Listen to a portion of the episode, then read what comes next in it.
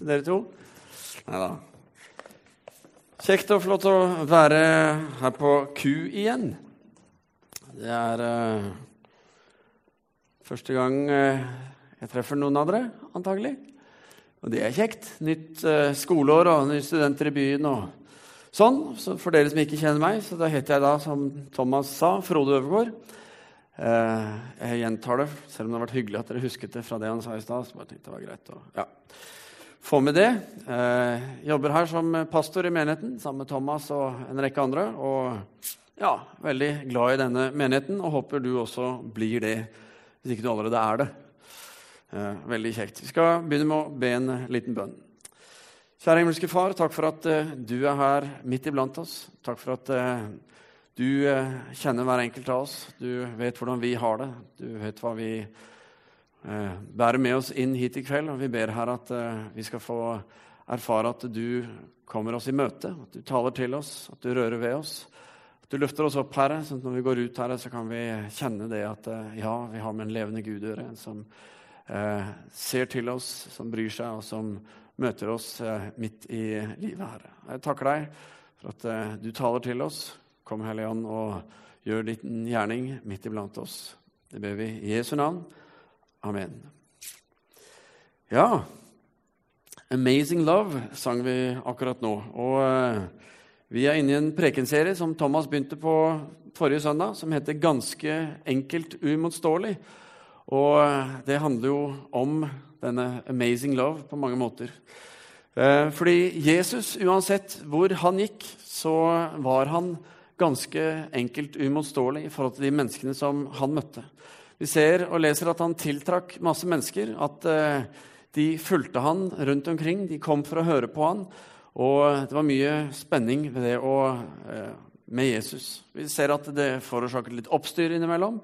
Men, og vi ser at Jesus han utfordret eh, de menneskene som han møtte. Han utfordrer oss gjennom sitt ord, og han inspirerte massene der han sto og talte til dem. Og så ser vi også at Jesus han så den enkelte der de var. Og For oss som menighet i 2012 i Stavanger så tenker vi hvordan kan vi som kirke, som en del av en verdensomspennende kirke, hvordan kan vi leve på en sånn måte at folk kan få erfare litt av hvem Jesus er, gjennom våre liv? At de kan få eh, en smakebit av en eh, Gud som er ganske enkelt uimotståelig, gjennom eh, at vi er til stede og kan vise vei inn til Han. Det handler om å nå ut med det beste i verden, eh, sånn jeg tenker. For jeg tenker at eh, det er det Gud er. Han er det beste vi har. Han er det beste vi kan få erfare, han er det beste vi kan gi. Og det å være med å gi det eh, er kjempebra. Og jeg tror kanskje noen av oss trenger å gjenoppdage, eller bare kanskje oppdage det for første gang, at Gud han er en sånn type. Han er ganske enkelt uimotståelig. For andre så eh, lever vi og opplever og tenker det, og vi trenger kanskje å utfordre oss selv på å ta noen steg for å dele Jesus med andre. Fordi Vi tror nemlig at Jesus lever i dag, at han er her midt iblant oss. Vi tror at han kan røre ved mennesker i dag, sånn som han gjorde den gang eh, i historiene vi leser om i Bibelen. Og vi tror at han kommer til å gjøre det gjennom oss. At det er ved våre handlinger, våre valg, at eh, vi kan være med å formidle Jesus. Og eh, det betyr at når vi bærer med oss Jesus rundt, så har vi med oss noe som har potensial til å bli ganske enkelt umotståelig for de menneskene som Gud har satt rundt oss i vår hverdag. Som du kanskje ikke hører på dialekten min, så har jeg vært en eh, skikkelig siddis en gang i tiden. Kav Stavanger. Og eh, det var fordi når jeg var fem år, så flyttet familien min hit. Faren min ble pastor i denne menigheten. Og vi bodde på Stokka, eh, i pastorboligen der. Jeg gikk på Eiganes skole og kunne skære, osv. Du har hørt den vitsen forresten om han som har slutta å skære? 'Mor, mor, jeg har slutta å skarre!' Oi, Hvorfor hører da, gutten min. Bolle.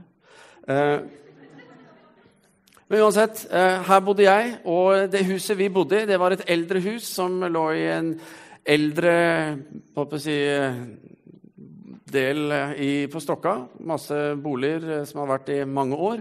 Og rett ved siden av, altså på den ene siden så hadde vi masse nye hvor de bygde opp, og som ble bygd mens vi bodde der. Så var det gamle huset. Disse gamle husene der bodde gamle mennesker, og vi bodde bortsett fra oss, da, for vi var litt yngre. Men i det ene huset ved siden av så var det et eldre ektepar som var veldig trivelige. De prata vi med, og de smilte og de vinket. og Vi barna kom opp og fikk besøke de og inn og hei og hå og et camphor og alt det der vet du, som gjør oss små barn så veldig glade. Eh, men i det andre nabohuset vi hadde, så bodde også et eldre ektepar. Men der var historien en helt annen. Fordi eh, de var noe helt annet, rett og slett. De var en kategori eldre som jeg ikke kjente. Eh, og da snakker vi om meg i alderen 5-10 år. Og eh, for vi så det ikke så ofte heller. Mannen i huset han så vi sjeldnest. Når vi så han, så skjønte vi at han må jo være syk og svak. og sånn. Men Vi måtte resonnerte jo ikke noe rundt det, men vi bare registrerte det. Eh, og hun, hun så vi når hun gikk til og fra Kolonialen, som det het den gangen. da. I dag sier vi butikken, men eh, der gikk hun. Og det som var med henne, var at hun kledde seg alltid rart. Hun hadde alltid masse klær og kåpe og skaut og var krumrygga og gikk med den eh, trilleveska si bak og kikket ned i bakken og småmumlet. Og det var liksom et eller annet rart ved henne. Og hun var ikke særlig, hun var litt sånn brysk og avvisende hvis vi prøvde å henvende oss til henne. Eh, skummelt var liksom eh, noe vi sensa rundt her. Det var liksom ikke den trygge vi var vant med. Huset de bodde i, var ikke godt ivaretatt. Hagen var totalt ustelt. Det var, eh, ja, det var liksom ikke gress, men det var villnis overalt. Og En gang husker jeg vi spurte om hvorfor hun ikke klippet plenen. For det var jo vi vant med. det er jo naturlig. ikke sant? Har du plen, så klipper du plenen. Og hun svarte jo det var fordi det er slanger og krokodiller i plenen. Eh, og ja vel. Eh, ikke sant? Altså da, for oss så ble det liksom så mange faktorer som på en måte spilte imot vår måte, forståelse av eh, henne og han og deres situasjon. Og eh, vi begynte å legge disse tingene sammen, og vi barna eh, vi kom fram til at hun var en heks. Det måtte det være. Og Vi kalte henne det, og vi skapte en virkelighet rundt dette i våre tanker. Og vi oppførte oss eh, og var dømmende og skapte litt sånn frykt inni oss selv. Eh, ikke engang hadde vi en vanlig samtale med henne eh, hvor vi liksom kunne forstå henne. Det var stort sett bare eh, kjefting og sinna gloser fra vinduet fordi vi sto og kasta stikkelsbær på de vinduene hennes. Eh, og Det var det eneste som var lurt å gjøre med stikkelsbær, i hvert fall i, i mitt hode den gangen. Eller vi fikk irriterte svar tilbake fordi vi var noen plagsomme små drittunger som gikk rundt og stilte teite spørsmål og var vanskelige. Eh, og Vi ble aldri kjent, vi fikk aldri anledning til å se hvem de virkelig var. Og de ble et mysterium, og særlig da hun. Eh, jeg har senere lært litt mer om hennes situasjon, om den eh, hverdagen sånn hun hadde, og skjønner at ok, her er en som ikke har fått det lett. Hun har helt sikkert vært en flott dame som har levd et godt liv sammen med mannen sin, som hun elsket, og eh, hatt sikkert mye bra, men så kommer sykdom, og eh, hun har da valgt å pleie han hjemme. og så baller liksom ting på seg, og du får liksom ikke ja, i hvert fall mye som ikke fungerte antagelig for henne, som førte til isolasjon, og som førte til at ting ikke ble helt normalt. Eh, og min oppførsel og de andre barna sin oppførsel var liksom ikke noen velsignelse. Det ble en byrde og en plage for henne, og for oss så forble hun liksom heksa. Eh, gjennom de siste årene så har vi i eh, menigheten her jobbet med hvordan vi som menighet kan eh, bli mer opptatt av menneskene rundt oss. Eh, det å få være med og lede dem til en Gud som ser dem, som bryr seg. En Gud som ønsker å møte med nåde, med tilgivelse. Og en Gud som har gjort alt i sin makt for å få lov til å ha fellesskap med alle mennesker. Eh, og Dette har kommet mer og mer til syne, som vi har fokusert på det. og Bl.a. gjennom noe som heter Vekst 2020, som Thomas så vidt nevnte forrige søndag. Men det er en nasjonal handlingsplan som Misjonsforbundet har, eh, hvor målet er å eh, bli dobbelt så mange innen 2020. Og Vi vil jo gjerne gjøre det før det, men vi syns det er veldig bra å få være med i en sånn god, utadretta drive som er nå. Eh, og vi ønsker eh, her i menigheten å tilrettelegge for at eh, vi sammen som menighet kan få lov til å løfte blikket, se ut og eh, være utadvendte i møte med menneskene som vi treffer i vår hverdag, enten det er på universitetet, eller du er på jobb, eller nabolaget der du bor, eh, hvor det måtte være. Eh, og vi vil at det skal kunne være en naturlig og trygg ting som eh, vi kjenner på, og som de menneskene vi møter, kjenner på.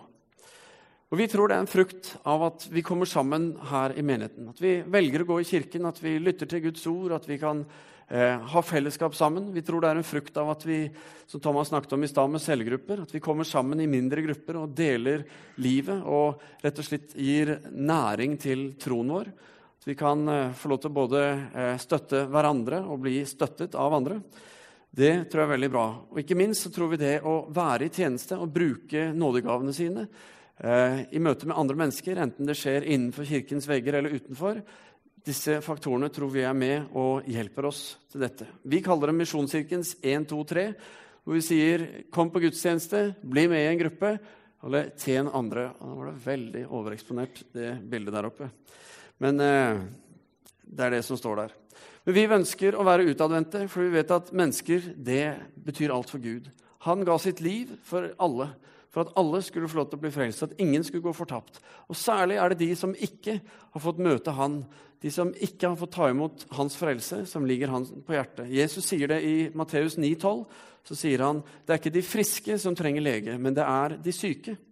Og Kanskje eh, er du frisk fordi noen så deg når du var syk. Noen rakte ut en hånd og brydde seg om deg og viste deg hvem eh, Jesus var. og Så fikk du møte han, og så fikk du begynne på ny eh, i livet ditt. Jesus sier også i Lukas 19, i vers 10, sier han det at eh, for menneskesønnen er kommet for å lete etter de bortkomne og for å berge dem. Og Dette var liksom Jesus' store oppdrag. Det var hans hovedhensikt. Derfor kom han, for å nå så mange som mulig. Og fordi eh, det var hans hensikt, og fordi det han bar med seg i møte med mennesker, det var nåde og tilgivelse, det var kjærlighet, det var omsorg, Eh, og det var frihet og nytt liv. Alle disse tingene bar han med seg. Eh, og når han da møtte mennesker med dette, så forble han ganske enkelt uimotståelig for de menneskene som han traff. Fordi de lengtet, de ønsket å få del i noe, men de visste ikke helt hva og hvordan. Og sånn det religiøse systemet var, så var det ikke så fritt og åpent. Men Jesus han brakte det.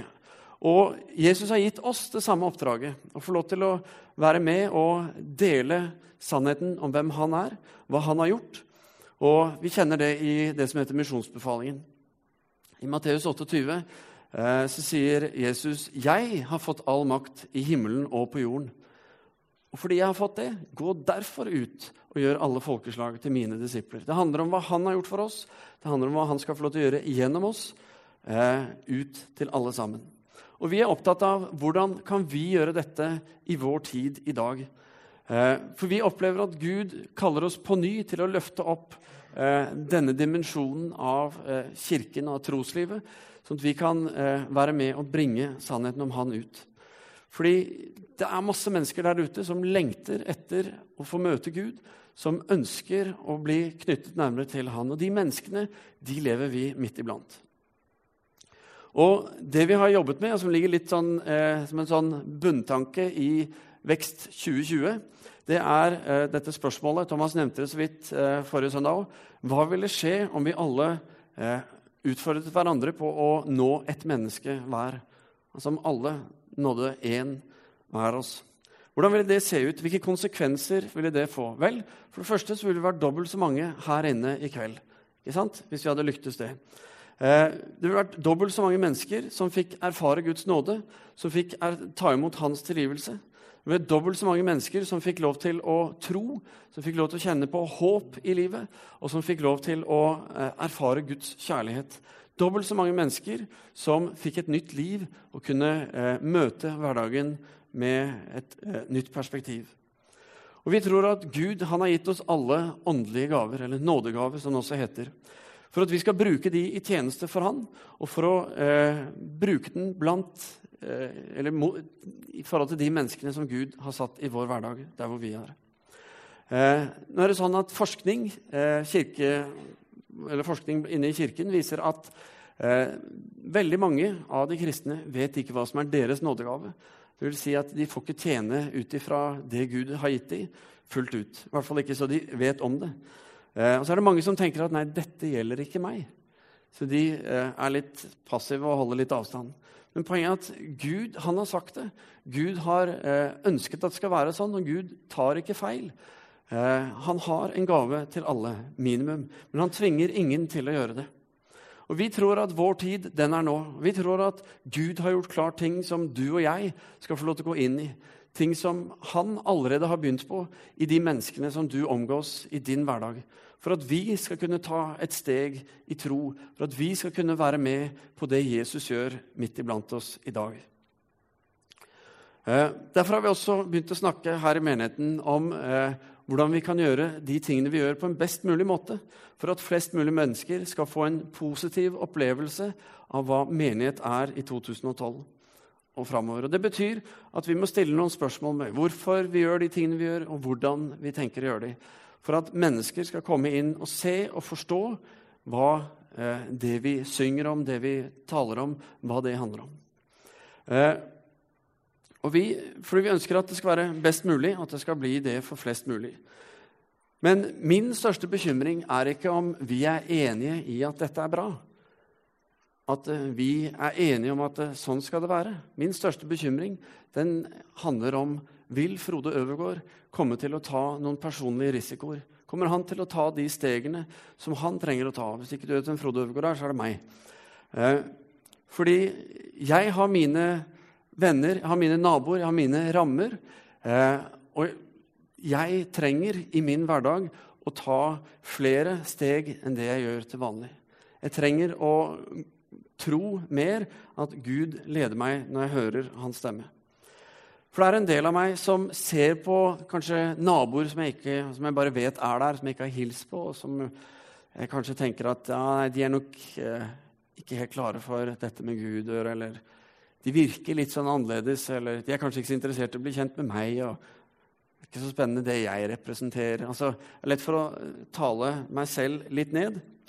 Eh, og det er jo lett å gjøre. Men nå har jeg blitt så moden at jeg har eh, klart å legge til side den der, ok, nå har jeg en grunn til å hive stikkelsbær på naboene mine. Eh, så jeg har slutta med det. Men poenget er at det er en reell eller en forutinntatt barriere som er mellom meg og en del mennesker rundt meg. Eh, og Det er ikke det at jeg ikke tenker på det eller at jeg ikke bryr meg om disse menneskene. Men min bekymring den er basert også på min erfaring. For jeg har eh, veldig lett for å ty til unnskyldninger for å la være å gjøre de tingene som jeg føler eller vet jeg burde gjort. Eh, og I de fleste tilfeller så handler det om at jeg kjenner at nei, jeg har ikke tid. Eller nei, jeg er så sliten, jeg orker ikke. Eller nei, nå skal jeg prøve å være litt sammen med familien min. Og Så slapp jeg unna den situasjonen, og så kommer jeg inn, og så er det ingen i familien min som har tid til å være sammen med meg. Så jeg blir sittende foran TV-en eller et eller annet sånt. Det hender jo når man har store unger og alt det der. Eller at jeg skal være så opptatt med å drive menighet og jobbe her inne at jeg rett og slett bare har ikke overskudd eller noe til å se de menneskene som Gud har satt rundt meg i min hverdag.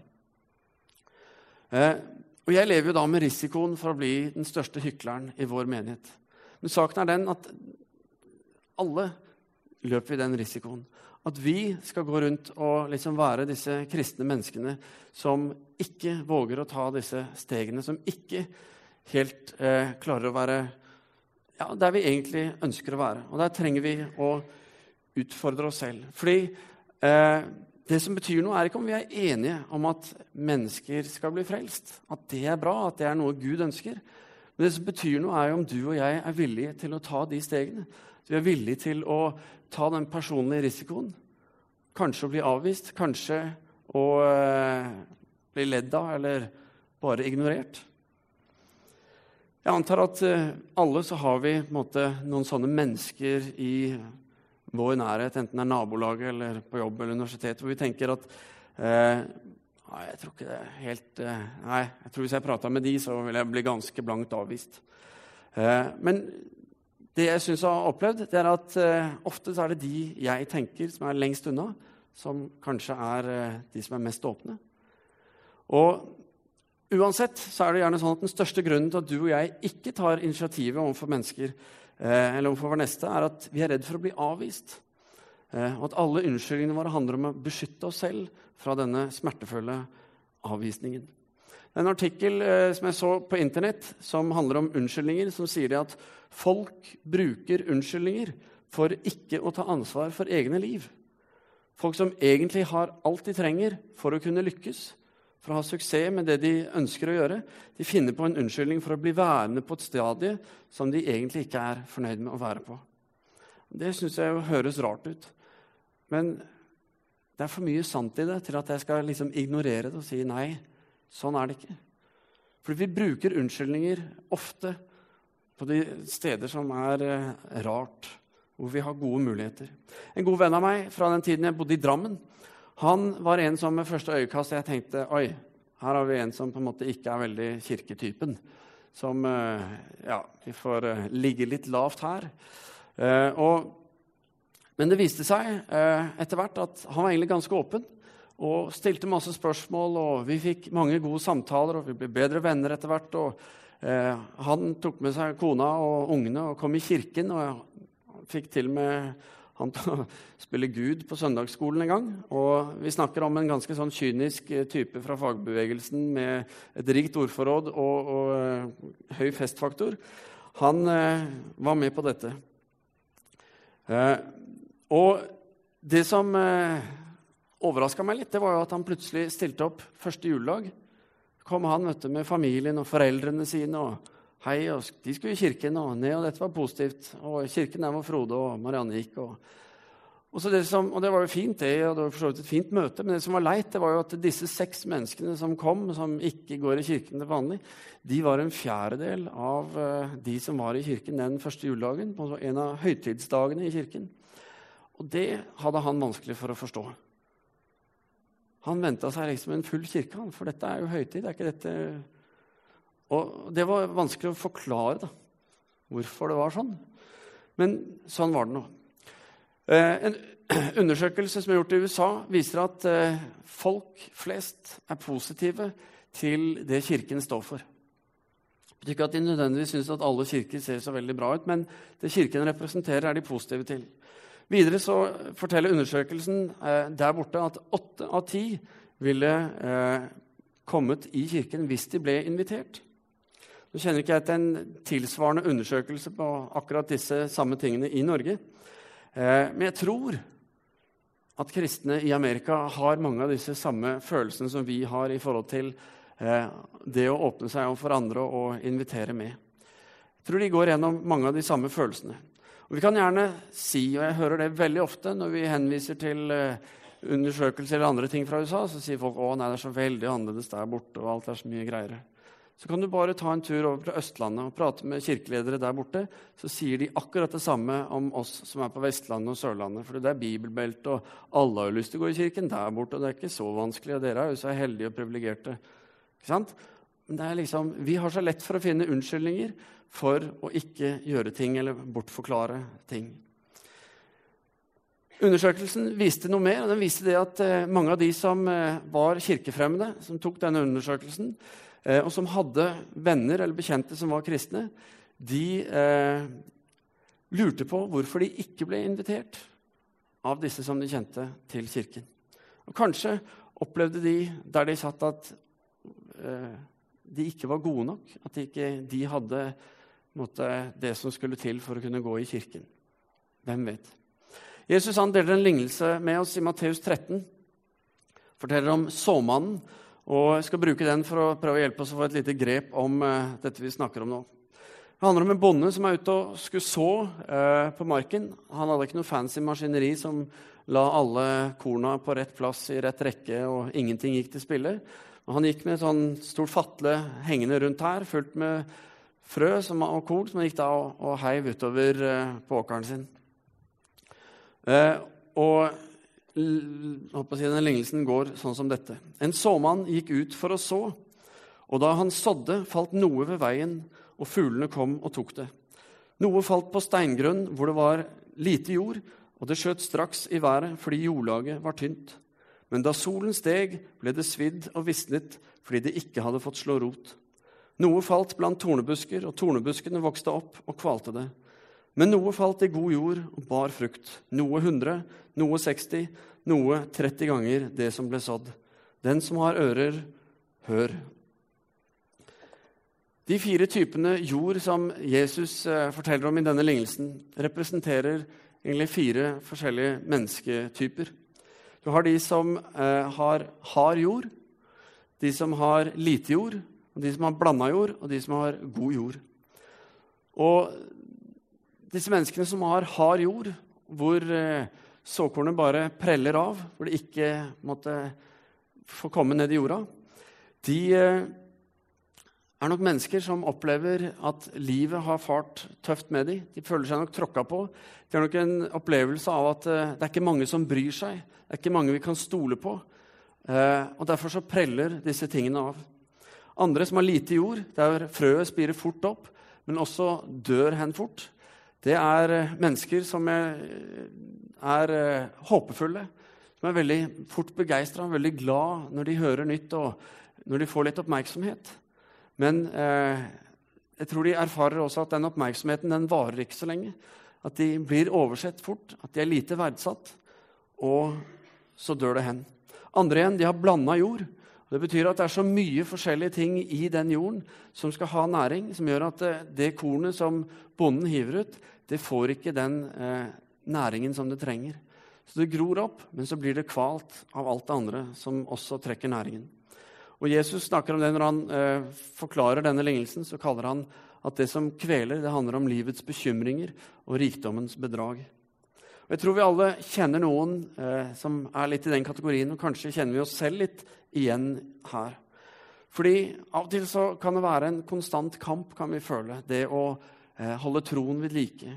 Vi føler at vi vokser kanskje ikke sånn vi hadde lyst til eller ønsket. Og kanskje handler det om i disse tilfellene, enten det er ditt tilfelle eller andres, så handler det om at det er for mange ting som er inne for å ta plassen, for å eh, hente ut næringen.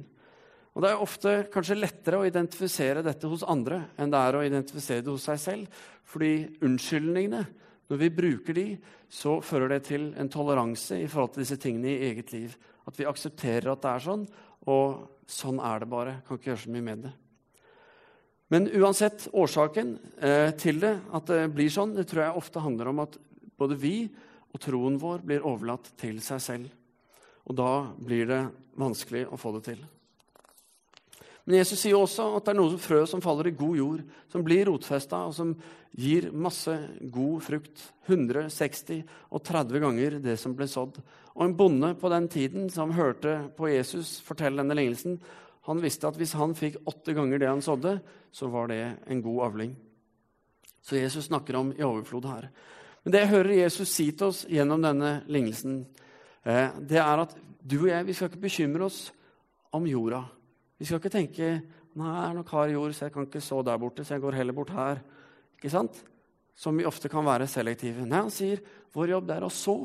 Vi skal være med ut og så ut til så mange som mulig, så godt vi kan. Så er spørsmålet da hvordan eh, ser det ut når vi sår? Jo, jeg tror det eh, handler mye om kjærlighet.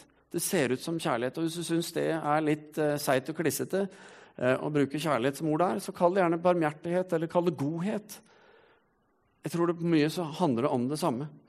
Eh, Paulus han forteller oss litt om kjærlighet og hvordan det ser ut, hva det handler om, i 1. Korintbrev 13, hvor han sier i vers 4.: Kjærligheten er tålmodig.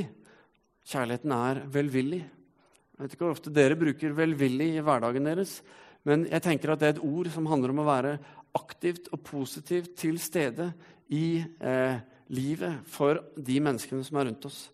At vi har en velvilje overfor andre. Eh, videre sier han at eh, kjærligheten misunner ikke, den skryter ikke, og den er ikke hovmodig. Og en som er hovmodig, er en som har på en måte Det holder med meg, liksom. Eh, som setter seg selv høyere enn andre, som eh, er egen, som er egoistisk osv. Jeg tror at eh, på et tidspunkt så må vi komme til at vi slutter underforstått eller i overført betydning å kaste stikkelsbær på vinduene til menneskene rundt oss. fordi vi ikke helt forstår dem eller ikke klarer å identifisere oss med dem. Men at vi heller begynner med å vise kjærlighet til mennesker. Ved å vise tålmodighet, ved å vise godhet, eh, ved å være tilgivende og imøtekommende. Og eh, vise omsorg for de menneskene som vi treffer. Og når vi gjør det, så vil vi så frø inn i livene deres. Og jeg tror Gud ønsker å gjøre gjennom dette, det er å skape anledninger for oss til å bli med på det han gjør. Til å finne gode muligheter til å få en prat eller gjøre noe sammen som kan få betydning for veien videre i forhold til det å få se en Gud som er ganske enkelt uimotståelig. Eh, dette kan ta lang tid. Kanskje må du investere over lengre tid med én person som du ønsker å nå. Kanskje går det fort. Det vet vi ikke. Høytiden her i Norge nå går vi mot avslutning, men høytiden her i Norge det er en tid hvor eh, Ola og Kari Nordmann som vi kaller de, har en lavere terskel i forhold til det å gå i kirken. Fordi det er liksom, hører med det litt sånn kultur å gå i kirken i høytiden. Og eh, vi ønsker å være litt strategiske i forhold til det.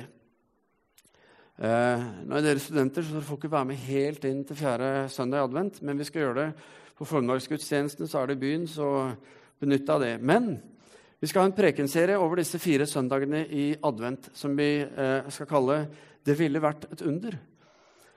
Da vil si Det ville vært et under hvis eh, familien min begynte å fungere igjen.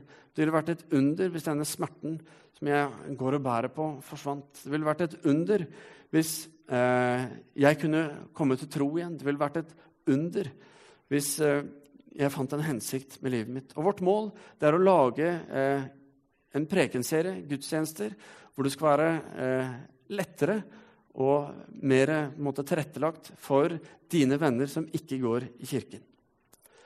Men fra nå av, fra i dag og fram til da, så har vi lyst til å utfordre hver enkelt av dere til å eh, finne én person, gjerne flere, men én person som tenker denne personen vil jeg investere i. Denne personen vil jeg eh, vise kjærlighet og omsorg overfor. Denne vil jeg møte på en spesiell måte.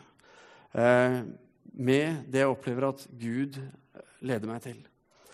Og Vi tror at eh, sånn kan vi være med og lede mennesker inn til en opplevelse av en Gud som er ganske enkelt uimotståelig. Vi har utfordre deg til tre ting. For det første at du skal be om å bli leda. At, at, du gir Gud frihet til å tale inn og si 'Nå kan du gjøre sånn', eller 'Nå skal du snakke om det', eller 'Gå bort. Ring han nå'. Et eller annet. Ta kontakt på en eller annen måte. Det andre vi sier, er at vi eh, har lyst til å utfordre deg til å ta det neste steget. Ta en eller annen personlig risiko. Ta et trosteg i forhold til eh, denne personen. Eh, kanskje er det en nabo som du har tenkt på lenge, som du liksom bare aldri eh, har fått hilst ordentlig på, bare nikka litt til. Som du skal gå bort og ta en prat med. Kanskje er det en medstudent som du har sett på universitetet, som du ser er litt alene, som du har lyst til å gjøre noe i forhold til. Kanskje er det en i familien din. Jeg vet ikke. Men det å være frimodig og det å eh, gå når Gud leder. Og ikke minst, tredje, inviter. Inviter de med på noe som er tilrettelagt. Og Kanskje er det en av disse fire søndagene i advent her i Misjonskirken. Kanskje er det noe annet. Men gjør det. Invester og inviter. Det er utfordringen som jeg har lyst til å gi dere her i kveld. Så eh, ta dette med deg, så kan vi se at store ting skjer. Og ikke minst hvis det er en ganske enkelt umotståelig Gud vi har med å gjøre, som er eh, så stor og fantastisk som vi synger om i sangene våre, ja, da er det det beste som vi kan gi videre til menneskene rundt oss. Skal vi be. Kjære himmelske Far, Herre, takk for at uh, vi har fått lov til å møte deg. Takk for at vi får lov til å lære deg å kjenne. Takk for at vi kan komme til deg med livene våre. Og Herre, eh, du kjenner oss alle, Herre. Hvis det er noen av oss som eh, er her nå, som ikke har eh, valgt å komme til deg, som ikke har sagt Gud, jeg har lyst til å følge deg, jeg har lyst til å tro på deg, jeg har lyst til å få del i dette som jeg har hørt om, så be Herre at du skal kalle de til deg i kveld, og at de skal få lov til å ta en bestemmelse Og de sier 'Ja, jeg har lyst til å følge deg'. Så har jeg lyst her at du skal la oss alle få lov til å få en indre klarhet her i hvem er det du ønsker ønsker at vi skal investere i. At vi skal bruke tid på å eh, oppsøke. som vi skal bruke tid til å be for. Og som vi skal få lov til å være med og vise hvem du er, Herre. Og så ber jeg Herre at du skal også gi oss anledning til å invitere. Hvor det skal være naturlig, hvor det skal være trygt og godt. Og at det skal få lov til å bli en vellykket invitasjon. Ikke bare OK, nå har jeg gjort det, og det var ferdig med det. Men at det skal bli noe mer, Herre.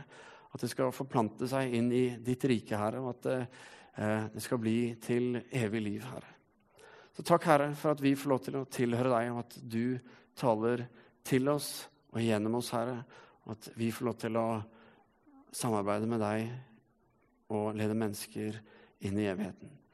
Priser deg i Jesu navn. Amen.